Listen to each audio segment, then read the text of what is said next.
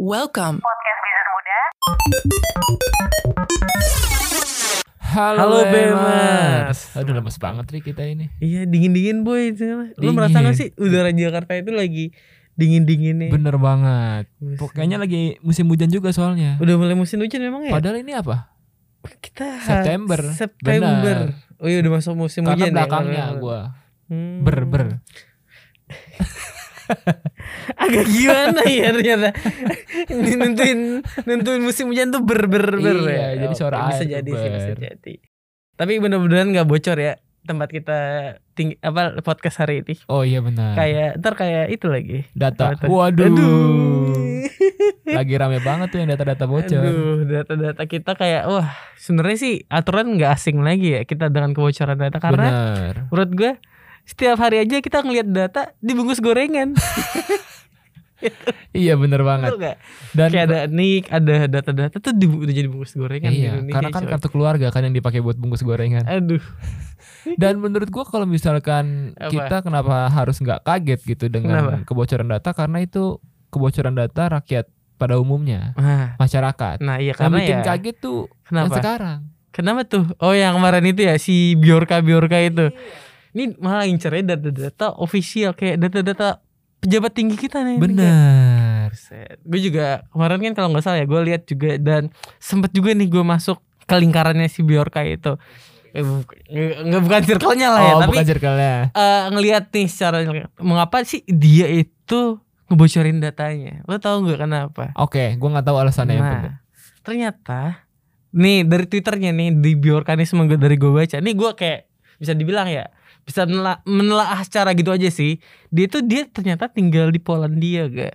Oke, berarti dia bukan di, di, kota gitu. Warsawa, dia di bukan orang Indonesia kayaknya sih di kota Warsawa Polandia. Dan katanya dia itu se adalah seorang anak yang diasuh oleh orang in- orang Indonesia. Oke. Nah, jadi nih si orang Indonesia ini kayaknya bermasalah waktu tahun-tahun beberapa 65 kalau nggak salah kena masalah politik dan dia itu akhirnya kayak bisa dibilang eksil lah atau dipengasingin di waktu zaman itu. Nah, terus ternyata si orang yang di orang Indonesia ini punya anak ini anak adopsi bisa dibilang ya mungkin kayak gitu ya. Gue Oke. lihat apa konspirasi-konspirasi Ah. gitu nih. Nah, si anak ini nih Biorka ini katanya. Oh, anak itu namanya Biorka Nah, tadi. Iya. Dia kayak ada misi balas Oke. dendam gitu gak sih kayak menurut lo? Kayak cerita-cerita gitu sih. Cerita lama jadi dimunculin lagi nih. Nah, Dan mungkin si itu. Biorkanya tahu mungkin dari si apa orang itu karena Orang Indonesia cerita itu itu. kali ya. Mungkin Nah, dia itu bisa cerita jadi tahu gimana kayak- gitu kan. Ternyata motifnya dia ngebocorin data-data itu ternyata ada motifnya enggak? Iya, itu iya. kayak hacker-hacker kayak beda-beda gak sih menurut lo atau gimana sih? Gue nggak tahu nih. Apa hacker itu sama semua punya ngebocorin datanya atau gimana? Nah, kalau misalkan soal hacker nih, BMers Hmm. kalau hacker biasanya kita selalu berkonotasi dengan Negatif, negatif. banget ya soal kan kayak kemarin si Biorka itu Betul. data-data kita dibocorin terus dijual di forum Nah, bridge.to kalau nggak salah itu. yes. Dan sebenarnya hacker juga tuh ada hacker yang tanda kutip baik lah. Oh, ada yang baik juga tuh. Ada. Sebutannya itu white hat. Is, white hat. Bener gak sih? Tuh, kayak sih topi putih ya ngebedain itu ternyata ada topi-topinya. Yes, bener banget. dipakai. Dan sebenarnya nih BMers kalau misalkan hacker topi putih itu dia hacker untuk menguji ketangguhan keamanan cyber di sebuah perusahaan. Nah, mungkin dia udah sadar ya, dia punya kemampuan ya dia punya moral kompasnya baik lah. Betul. Jadi dia gunain kemampuan untuk ngehacknya itu bukan untuk uh, ngebocorin data tapi ngetes suatu uh, keamanan cyber. perusahaan itu. Iya, nah, betul. tahu nggak lo? Ternyata hat itu ternyata dibayar juga gak? Oh, Oke, jadi profesi kali ya. Ah iya, itu profesi sendiri. Benar. Ada beberapa kalau nggak salah dulu kasusnya itu di Facebook. Oh, kenapa tuh? Facebook itu lagi bisa dibilang mereka tuh sengaja eh eh, bi- apa ngundang hacker untuk ngebobol sistem mereka bi- biar mereka tuh tahu karena kan mereka oh pihak iya benar luar. benar benar benar. mereka benar. tahu nih bug apa yang bisa bisa bukan bug apa ya? Kayak bug atau eh, di mana sistem mereka bolongnya tuh di mana. Oh, Nah, hacker itu yang nyari tahu. Nah, kalau mereka hacker itu dapet tuh tadi dikasih reward sama Facebook. Berapa Oh, duitnya itu? Berapa oke. jutaan lah tuh puluhan juta. Iya iya Itu iya. juga iya. cukup ya profesi mereka dari situ uangnya. Nah, Dan itu, yang white hacker. Eh white hat ya. White hat. White hat hacker. Nah, gitu gak? Berarti ya sebenarnya jadi profesi pun gak masalah ya. Ya nggak masalah. nggak masalah. Itu Tapi- tergantung orangnya gak sih menurut gue ya. Kalau Iya, iya, orangnya motifnya ada bisa dibilang orang baik ya mereka tahu bahwa ngebocorin data itu nggak bener loh. Tapi balik lagi mereka tuh lebih milih nge nguji sistem keamanan data suatu perusahaan. Betul. Sebenarnya kayak pisau bermata dua aja sih. Nah iya mau gunainnya gimana? Bener kan? Iya betul betul. Dan sebenarnya kalau misalkan hacker-hacker yang berkonotasi negatif itu disebutnya black hat, kebalikannya Nah, nih. Black hat nih kalau salah ya. Iya. Ini yang banyakan hacker-hacker umumnya nih pada umumnya kan ya. Betul. Dan dia tuh bertujuan untuk kejahatan. Hmm. Kayak tadi yang lu bilang. Kayak ngebobolin data. terus ngejualnya, ngebobol akun kripto orang mungkin kayak gitu-gitu ya. Nah mungkin kayak menurut gue sih ini pendapat gue pribadi ya. Ternyata kayak menurut lu kayak ada perjalanannya nggak sih? Kayak orang tuh belajar ngehack. Mungkin ya pertama-tama coba ngebobol data orang. Terus mereka ngebobol atau ngejual data orang. Terus mereka akhirnya sadar dari black hat itu jadi white hat, jadi tobat gitu. Oh gitu loh. ya, ya bisa jadi bisa Jadi jadi. jadi gitu kan? Iya, iya, iya, ada iya. perjalanannya, Ada perjalanannya. kayak menemukan jati dirinya ternyata oh anjir sisi gelap dulu nih. Iya sisi gelap dulu dikeluarin dulu semuanya Terus ternyata wah ternyata ini salah nih gue ngebocorin data orang Nah gue jadi baik aja lah nguji-nguji sistem keamanan data perusahaan gitu Oh sih? iya bisa jadi bisa Jadi kan jadi. ya, Iya, itu iya, pendapat iya. gue loh kan Betul bisa betul aja. betul. Dan sebenarnya hacker tuh nggak cuma hitam, nggak cuma biru. Eh nggak nggak nggak cuma cuma putih. putih. Ada juga Oh. nih hacker topi biru. Tapi Mungkin biru. eh, penjelasan hacker topi biru ini lebih tepat untuk menggambarkan si kalau menurut gua ya, Iya. biarka tadi. Karena lu bilang kan ada Kenapa? unsur balas dendamnya kan. Nah itu juga bilang motif tertentunya lagi nggak cuma Ya. balas dendam ya Dia punya suatu misi yang untuk apa yang ia jalankan gitu mungkin ya Betul, dan umumnya nih kalau misalkan hacker topi biru itu menjadikan peretasan sebagai senjata sosial untuk balas dendam kepada seseorang, kelompok atau eh, organisasi lain nih BMers. Hmm. Nah, peretas tersebut memposting data pribadi dan rahasia secara online untuk merusak reputasi seseorang atau Nah, kelompok itu. tertentu. Ya, kalau menurut gua mungkin bisa jadi eh, si Biorka ini masuknya ke sini kali ya, Iya, mungkin kalau ya. kita kategorikan bisa jadi topi biru dia Bisa ya. karena jadi. dia punya bisa dibilang punya misinya lah, punya misi Yes. sendiri kan. Kayak kemarin-kemarin dari awal pertama mulai dari data SIM dulu kan dia. Ya. Dari 1,3 juta data SIM dan NIK kita ternyata bocor. Nah, ter- ternyata tuh lama-lama eskalasinya makin makin jauh gak? Makin lama-lama makin jauh dari Iya, data SIM dan NIK udah terus tiba-tiba sekarang udah data-data petinggi pejabat tinggi kita kan. Pejabat, bahkan kasus yang lama muncul nih. Nah itu Muncul tuh lagi. Iya ngeri kan? juga tuh ya. Iya. Hmm. Nah pemerintah Indonesia, pemerintah Indonesia sih menurut gue ya harus cukup juga responsif juga lah. Harus, Karena harus. kan keamanan data Indonesia juga dipertaruhkan banget Yes. di sini kan. Ini penting. Ini Hmm. bukan isu-isu biasa ini. Nah iya. Terus juga bisa dibilang kementerian terkait juga harus reaktif lah ya kan. Betul. Gak seenggaknya karena Jangan apa ya? apa? Jangan bilang kayak swiper jangan mencuri gitu, Ya, jangan. Ajar. Iya kan? Iya benar benar ya itu kan- jangan bilang saya perjalanan ada tindakan reaktif lah Betul. seenggaknya bukan nggak nggak usah nyari lah seenggaknya ta- apa menurut gue ya seenggaknya akui dulu lah sistem Yes. keamanan kita tuh sebenarnya gini gini gini loh kita perlu memperbaiknya lagi gitu mungkin menurut gue ya stage pertama ya akui dulu lah Akui dulu. ya menurut gue bener Iya, gak iya, sih iya, iya, bener iya. gak menurut lu gimana. Ya Kalau kan? jangan terlalu banyak kalau menurut gue pribadi nih, Iya. jangan terlalu banyak apa ya?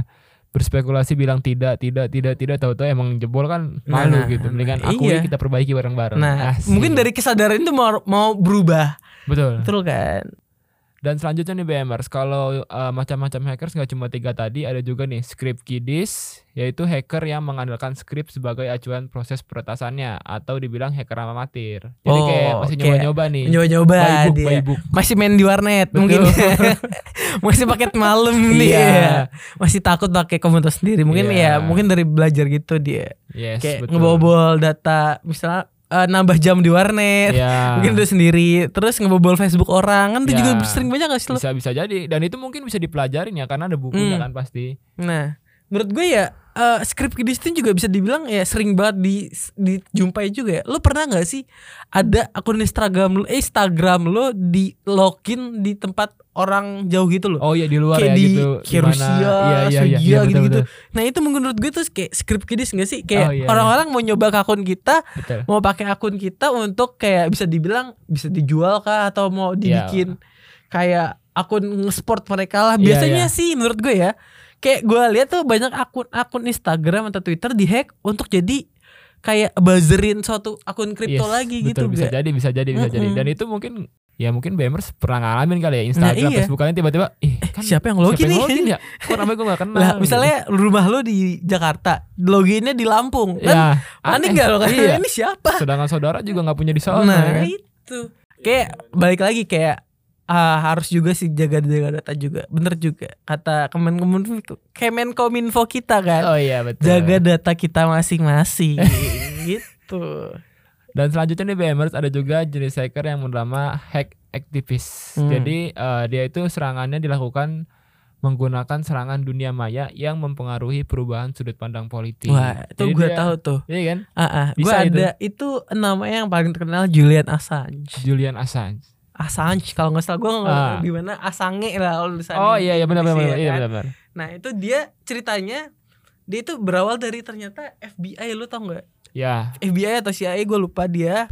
Dia itu dari orang pemerintahan pemerintahan Amerika Serikat yang menyadari bahwa pemerintahan itu nggak bener loh kayak. Hmm. Nah mulai dari situ dia sadar nih dia nggak mau nggak mau ikut terlibat lagi dalam apa aktivitas pemerintahannya.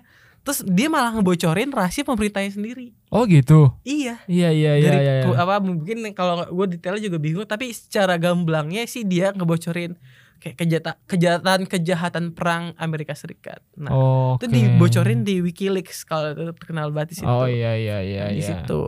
Dan akhirnya kan kalau misalnya kayak gitu masyarakat pun pandangan politiknya jadi berubah tuh. Nah, itu di kan? situ. Itu namanya hack aktivis. Hack aktivis.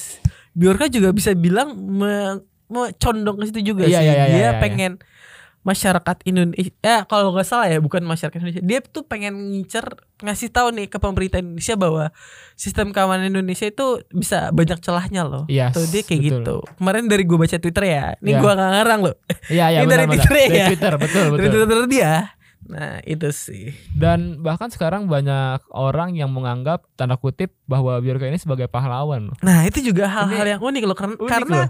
ternyata musuhnya pemerintah ternyata temennya masyarakat Iya gitu ya kan secara enemy tidak is langsung your ya. enemy is my My friend, friend, iya iya iya iya. Iya kan?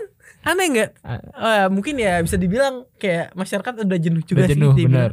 Karena bocor eh lagi itu bocor-bocor. Dikit apa kayak tadi lu bilang eh, masyarakat jenuh tentang berita kebocoran data. Yes. Mungkin ya masyarakat minta perubahan lah sengganya. Sengganya makanya data pemerintah dong. iya iya. Aturan ya secara rasional ya pem- masyarakat ya nggak dukung lah soalnya data, Iya, data betul. masyarakat Indonesia juga kan. Iya, Tapi yang ya kebuka. kondisi sekarang kan beda juga mungkin menurut gue ya. Ya gitu deh. ya aneh tapi nyata ya Iya, maksud aneh, gue ya. Kok hacker Iya. dipuja-puja Iya, bagi iya, hero. iya, iya. Ternyata kan aturan mah ini data kita loh, data Bocor. masyarakat Indonesia, data pejabat tinggi Iya, Indonesia. Kenapa di cheer up gitu? Iya, Kenapa iya. bahagia? Gue bingung. Tapi di sisi lain ya memang tadi buat Eh. pembelajaran bahwa eh, keamanan data cyber kita tuh di Indonesia masih belum apa ya? Belum maksimal Nah, kali ya. iya sih betul. Dan masih banyak butuh perbaikan. Masih banyak celahnya lah. masih banyak celahnya. Nah, itu dia BMARS, penjelasan mengenai macam-macam hackers dan Biorka tentunya yang menjadi, menjadi apa namanya ya? Apa? Pionir Pionir. pionir Bisa dibilang Apa sih ya? eh, eh, orang yang ngasih tahu lah, biar orang sadar pemerintah iya kita biar, sadar. betul betul betul betul untuk menyadarkan mungkin itu dia Disadarin dulu lah. Yes, yes, yes, kan. yes. Betul, betul, betul. Mudah-mudahan ya semoga keamanan digital Indonesia tetap membaik lah kan. Biar nggak ada bocor-bocor lagi kan ya. Yes, Kan masa- juga dat- sayang juga data masyarakat juga itu kan. benar banget cuma data sebagian pihak atau sebagian kelompok doang. yes Gitu sih. karena yang bocor data bukan tembok kalau tembok pakai No drone. Merek gitu. Oke Bemers cukup sekian episode kita kali ini Kalau kalian mau berkomentar mengenai Biorka, hacker dan lain sebagainya Bisa juga tuh komen di Youtube-nya Bisnis Muda Atau Instagramnya Bisnis Muda Di mana Ri? bisnis.muda.id. Kalau kalian mau nulis-nulis juga Mau tentang hacker, bisnis, investasi, ekonomi dan lain sebagainya Bisa juga nulis di websitenya Bisnis Muda di mana? bisnismuda.id. Betul banget Fahri masih ingat Bemers Oke Bemers gua Rangga. Gue Fahri. Pamit undur diri. Bye bye. bye. bye. Podcast Bisnis Muda. Thank you very much. Thank you.